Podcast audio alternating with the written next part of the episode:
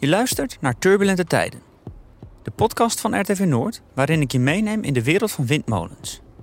In deze aflevering reis ik af naar Limburg om te horen of het mogelijk is om een windpark aan te leggen waar mensen die eromheen wonen wel blij mee zijn. Nou, dit, dit is dan een duidelijk voorbeeld hoe uh, een, een ontwikkeling van een windpark succesvol kan worden. Is dit de eerste aflevering van Turbulente Tijden die je luistert? Dan is het wellicht goed als je begint bij aflevering 1. Want deze vierde aflevering staat namelijk niet op zichzelf. Je snapt hem denk ik het best als je de eerste drie afleveringen ook kent. Ga naar www.rtvnoord.nl slash podcast of zoek je smartphone naar iTunes, de Google Podcast app of de app van Spotify en zoek naar Turbulente Tijden. Want daar kun je alle afleveringen terugvinden. In aflevering 3 hoorde je waar de woede vandaan komt bij tegenstanders van windparken zoals bij Meden bij Vindam. Dus het gaat er op zijn minst om dat je die erkenning organiseert. En ik denk dat dat echt mis is gegaan. En ook hoe dat kan omslaan in extremisme. Wat je observeert is een reactie die voortkomt uit machteloosheid, uh, het niet gezien en gehoord worden, het gebrek aan autonomie. Ik denk dat dat allerlei componenten zijn waarvan uit je die heftige emotionele reactie prima kan verklaren. Die heftige reacties zijn best te voorkomen. Zo leer ik uit het verhaal uit Limburg dat in deze aflevering centraal staat. Om dat te snappen, neem ik je toch nog even kort mee naar het noorden. Want met alles wat we daar gehoord hebben, vroeg ik me af hoe de sfeer daar vandaag de dag eigenlijk is. Rob Rietveld, directeur van de Nederlandse Vereniging Omwonenden Windturbines. Wat je ziet is, is dat die voor- en tegenstanders, en dat zijn toch vaak de grondeigenaren, de agrariërs, die, eh, die dat park willen realiseren. Ja, die, die, ja die, die andere mensen die vinden gewoon dat zij hun, het, het kwaliteit van het gebied aan het verknallen zijn. Uh, en daar zijn ze boos over. Uh, dat nemen ze zo kwalijk. En dan krijg je toch opmerkingen over en weer dat je elkaar niet meer groeit, dat er toch uh, frictie is. Je ziet bij een café hier dat er opmerkingen bij een biljart worden gemaakt. Zo van, ja, weet je, weet je wat we met jou moeten doen? Aan die turbine ophangen. Je, dat soort opmerkingen worden er gemaakt. En wat je dus ook ziet is dat zo'n zo'n biljartclub, ja, die, dat, dat is dan geen biljartclub meer, meer waar agrariërs in zitten. Want die zijn er dan uit, want dat, ja, dat soort gesprekken zijn niet leuk. Mijn vrouw zat in een, uh, in, een, in een boekenclub, een boekenleesclub. Ja, daar zaten ook wat, wat, wat vrouwen in van initiatiefnemers. Ja, en daar zie je, voel je dan toch wel de spanning ontstaan. Ja, ja dat wordt om de beurt bij elkaar thuis georganiseerd. Ja, en dan zie je toch op een gegeven moment gebeuren dat als het op neutraal terrein gebeurt, iedereen er wel is. Maar als het niet op neutraal terrein is, de een weg blijft ten opzichte van de ander. Het is niet altijd keihard uitgesproken. Het is niet altijd zo duidelijk. Maar als je echt naar kijkt en ziet wat er, wat er gebeurt, dan voel je gewoon dat er spanning zit. En dat er weerstand zit ten opzichte van elkaar. En dat is er gewoon echt ingeslopen hier. Ook Lies Zondag, Veendams raadslid en bestuurslid bij Tegenwind N33, herkent de frictie tussen agrariërs die een windmolen op een erf krijgen en de rest. Het is natuurlijk heel lang onbekend geweest wie die boeren waren. Want wil, zij willen zich niet profileren hè, als eigenaar of als host van zo'n windturbine.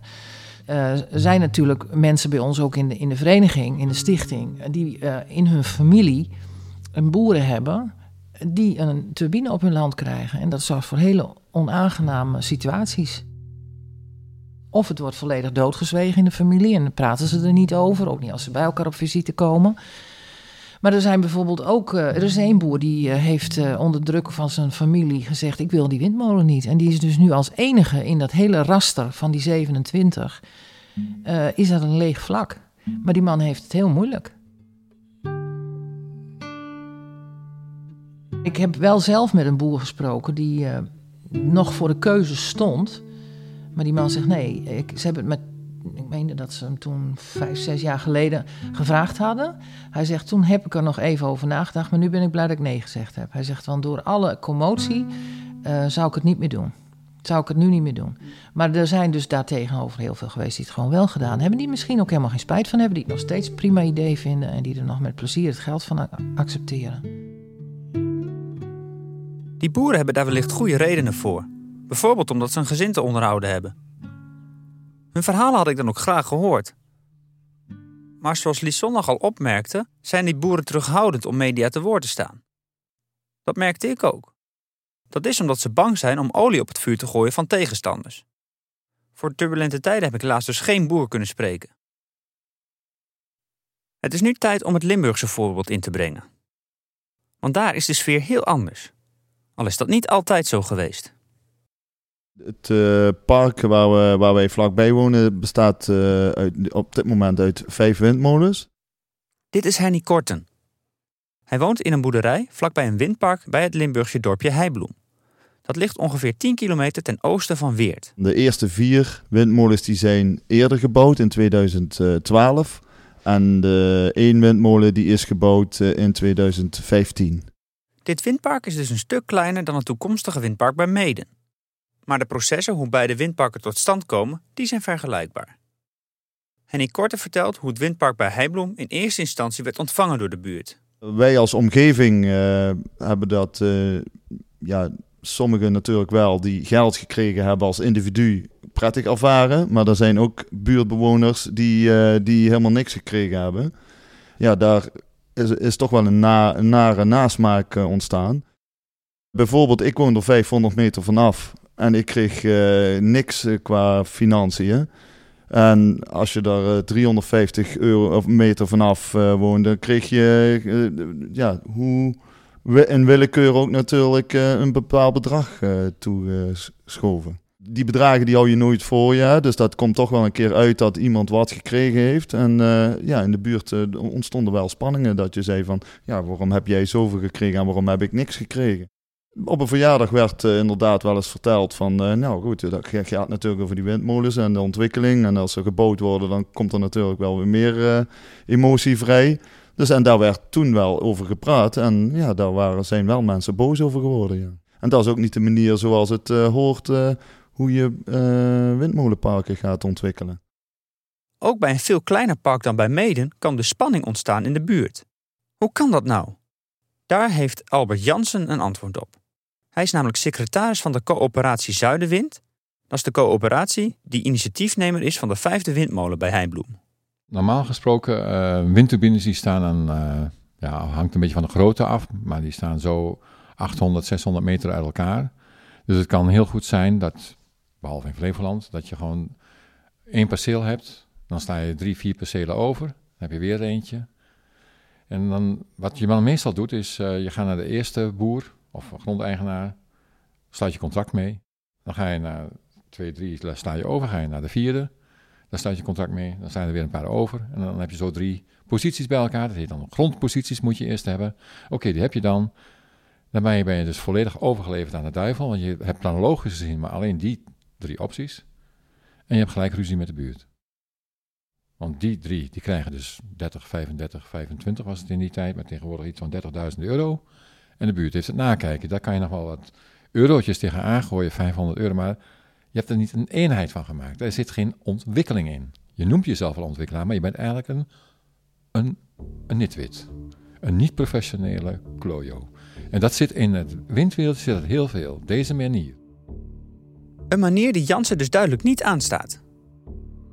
Met Zuidenwind pakte hij dit voor de bouw van de vijfde windmolen bij Heibloem dus anders aan, vertelt Henny Korten. Wij werden uitgenodigd door eh, de initiatiefnemer van de, ontwikkeling van de vijfde windmolen. In dit geval was dat de coöperatie Zuidenwind. En zij hadden een totaal andere aanvliegroute dan die eerste ontwikkeling van die eerste vier windmolens. Daar werden we op een avond uitgenodigd en de, daar werd uiteindelijk de plannen uit de doeken gedaan. Maar daar werd ook duidelijk gezegd: wij gaan niet individueel compenseren. Wij gaan geen geld verstrekken aan de individuele bewoners die daar in de omgeving wonen. Dat was de strekking. Ja, het werd, het werd even stil, inderdaad. De klassieke manier van ontwikkelen is natuurlijk met geld schuiven. En op die manier draagvlak uh, proberen te creëren. En we hadden ook geen ander voorbeeld zoals het anders zou kunnen. Ze waren duidelijk in wat ze niet gingen doen en zoals ze het niet wilden ontwikkelen. En daar zat ook een filosofie achter. En dat gingen ze op dat moment wel duidelijk maken. Van zo krijg je geen gemeenschap die uiteindelijk achter windenergie kan gaan staan. En dat was een totaal andere aanvliegroute. Maar wat is er nou zo anders aan? Hoe probeer je die draagvlak van de buurt dan wel te creëren als er niet met geld geschoven wordt? Bij uh, maar de vijfde molen, die uh, was vergund. Dus die procedure was al gelopen. En toen hebben wij de buurt bij elkaar gehaald. En het was eigenlijk de eerste keer dat de buurt bij elkaar zat. Het was maart 2015. Uh, eerste buurtbijeenkomst. Nou, wij betalen geen cent. Waarom zouden we? Het zijn boerenbedrijven, daar verdwijnt het in de huisrapport en je ziet het nooit weer, dus het maakt geen verschil. En het enige wat het bereikt had, is argwaan en wantrouwen tussen de bewoners. En dat doet het meestal. Vooral om, door de manier hoe het aangepakt wordt. Het is dus idioot om natuurlijk om een plan te maken en niet de buurt gezamenlijk bij elkaar te brengen en dan te bespreken hoe je dat zult aanpakken. Ja, omdat die mensen gewoon op een klassieke manier ontwikkelen, bang zijn voor de burgerstem. En dus denken, nou als ik het met die zo regel, en die andere die kijkt wat kwaaien, dus dan geef ik die 800 euro en die eerste had ik 600 euro gegeven. Tekent u hierbij het kruisje dat u verder ook uh, uw mond niet opentrekt. En zo hoop je dat je dan wat dan heel draagvlak krijgt, maar dat is natuurlijk onzin, dat krijg je op die manier niet. Nou, wij betalen geen cent. Waarom zouden we? Waarom zouden we? Waarom zouden we? Waarom zouden we? We zijn wel Norbers. En Norberschap kennen ze in Groningen ook. Dat kennen ze ook hetzelfde woord in, uh, in het Limburgs. Dus toen begon er een, wat, wat aandacht te ontstaan. En wij hebben toen gezegd van kijk, we willen wel uh, goede Norbers zijn. Dat wil zeggen dat als er hier iets tekort is, aan het een of het ander, willen we best helpen om dat probleem op te lossen. Dus laten we daar eens naar gaan kijken. Er is diezelfde avond nog gebrainstormd en de conclusie was, na een heleboel andere uh, onderwerpen nog, internet. Snel internet was in 2015 een probleem in Heibloem. En men zat aan het koperdraadje en dat ging eeuwig traag. En er zitten bedrijven die eigenlijk afhankelijk zijn van internet. Oké, hebben we gezegd. Wij helpen jullie, dus wij brengen dat niet. Jullie moeten dat doen. Met andere woorden, jullie moeten zelf het initiatief nemen om het aan te leggen. Maar wij helpen jullie met contacten, met uh, relaties met banken, hoe je een coöperatie opzet. Ook hoe je bij die glasvezelbedrijven binnenkomt. En natuurlijk ook met geld. We gaan uiteindelijk kijken van uh, hoe, wat voor begroting zit er uh, onder en wat is de onrendabele top, om het maar zo te zeggen. En die hebben we weggesubsidieerd. Maar het was dus niet zo van, nou dan schuiven we 25.000 euro en dan is daarmee het probleem opgelost. Nee, de vraag was van ontwikkelen gezamenlijk een project. Dus jullie gaan actie ondernemen. Jullie gaan wat doen. En wij zijn de grote broer die wel helpt. Is dit een goede manier? Je hoort weer planoloog Christian Zuidema met een ander voorbeeld. Kijk, het is nu al zo dat er, dat er her en der dorpen zijn die hebben hun eigen windmolen. In Friesland zijn er wat voorbeelden van. Is bijvoorbeeld een dorpje vlak bij de afsluitdijk, Pinjum. En die heeft samen met wat dorpen om zich heen, hebben ze een jaar of wat geleden hebben ze, hebben ze een, een windmolen uh, aangeschaft. In een klein parkje wat daar ligt. En dat hebben ze gedaan omdat anders de school dichtging. Uh, en dat kon niet meer bekostigd worden. En met de rendementen van die windmolen, dan kon de school worden vernieuwd. Gooi dus een paar zonnepanelen op het dak en uh, de school blijft open. En daar zat ook het dorpshuis in. Dus voor de leefbaarheid van het dorp is dat hartstikke belangrijk. Dus voor dat dorp is die windmolen is, is, is een oplossing geweest voor een reëel probleem. Nou, we, we kennen allemaal de regio uh, ten oosten van de stad Groningen. Daar gebeuren dingen die best wel lastig zijn qua leefbaarheid. We hebben te maken met krimp, we hebben te maken in bepaalde gebieden met aardbevingen. Zo heel geweldig gaat het er niet. En op het moment dat je een aantal van de problemen die daar zijn wilt oplossen, denk ik dat je in heel veel gevallen niet zo heel veel opties hebt. Uh, want er gaat niet iemand komen met, een, uh, met, met, met uh, allerlei nieuwe bedrijvigheid.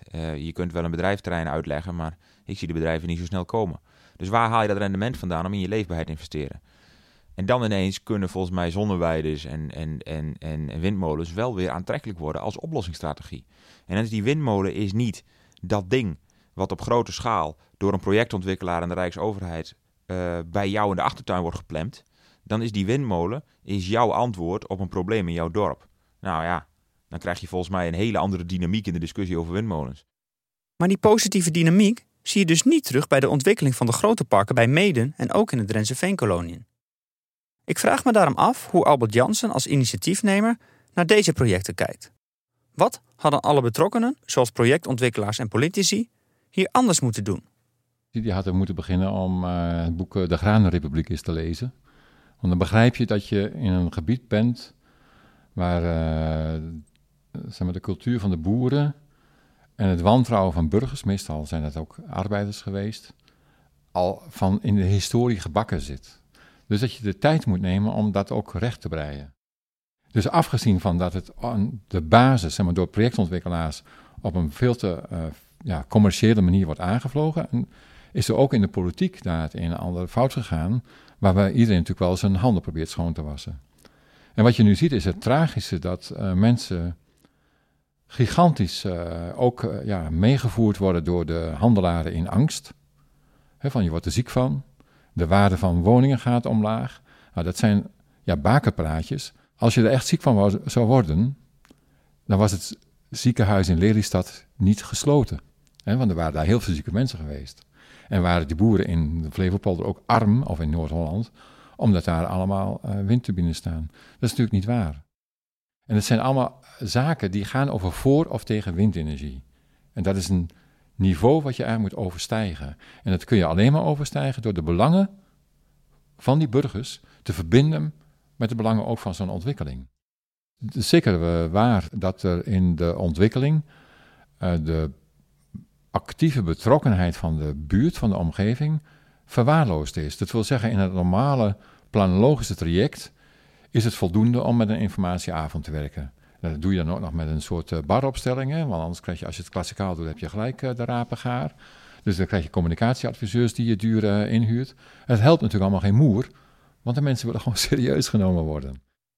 Wat in Groningen en ook Drenthe dus blijkbaar niet voldoende is gebeurd. Henny Korten voelde zich samen met zijn buurtgenoten dus wel serieus genomen. Hij is blij met de aanpak van Albert Jansen en zijn coöperatie Zuidenwind. De betrokkenheid van de, degene die het ontwikkelt, die oog heeft voor de omgeving en dus het ook samen mee oppakt. En dat is het grote verschil als je een projectontwikkelaar hebt of vanuit het Rijk gestuurd is. Daar is geen leidraad. Daar, daar is gewoon, vul het maar zakelijk in en kijk maar hoe ver dat je komt. Maar je ziet nu door de ontwikkeling bij, zoals het bij Zuidenwind uh, gebeurt, met goede bestuurders, betrokken bestuurders, dat je daar heel ver mee kunt komen. Het kan dus wel. Dat omwonenden blij worden van windmolens, zich serieus genomen voelen en wat aan windmolens hebben. Ik vraag me af of deze Limburgse aanpak ook zou werken bij grote windparken. Want in Heibloem ging het maar om één molen in een windpark van vijf molens.